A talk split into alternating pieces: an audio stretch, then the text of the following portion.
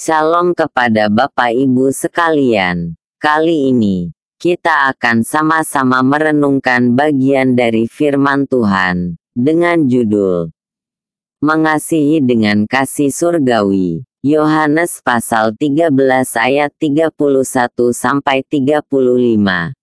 Dapatkah kita mengasihi sesama jika kita tidak pernah merasakan dan menerima kasih Tuhan? Untuk berbuat baik mungkin kita bisa melakukannya, orang lain pun juga bisa. Tetapi kebaikan yang tidak didasarkan pada kasih Tuhan hanyalah kebaikan semu. Setelah Yesus berbicara tentang pengkhianatan, dan setelah Yudas dikuasai sepenuhnya oleh iblis, Yudas segera melangkahkan kakinya untuk melakukan rencana jahat yang sudah disepakatinya dengan iblis. Ia lebih memilih untuk mengikuti yang jahat daripada mengikuti nasihat Yesus dan panggilan kasih karunia-Nya.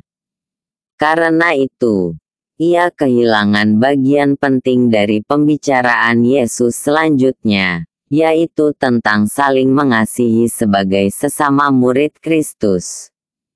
Yesus memandang rencana jahat Yudas untuk menyerahkannya kepada para pemimpin agama Yahudi dan penyaliban yang akan dihadapinya sebagai cara Bapa untuk memuliakannya serta jalan baginya untuk memuliakan Allah Bapa. 31-32 Selain mengindikasikan keilahiannya, panggilan Yesus kepada para murid dengan sebutan, anak-anakku, menunjukkan relasi yang erat dan dekat yang dibangun dan diprakarsai oleh Yesus.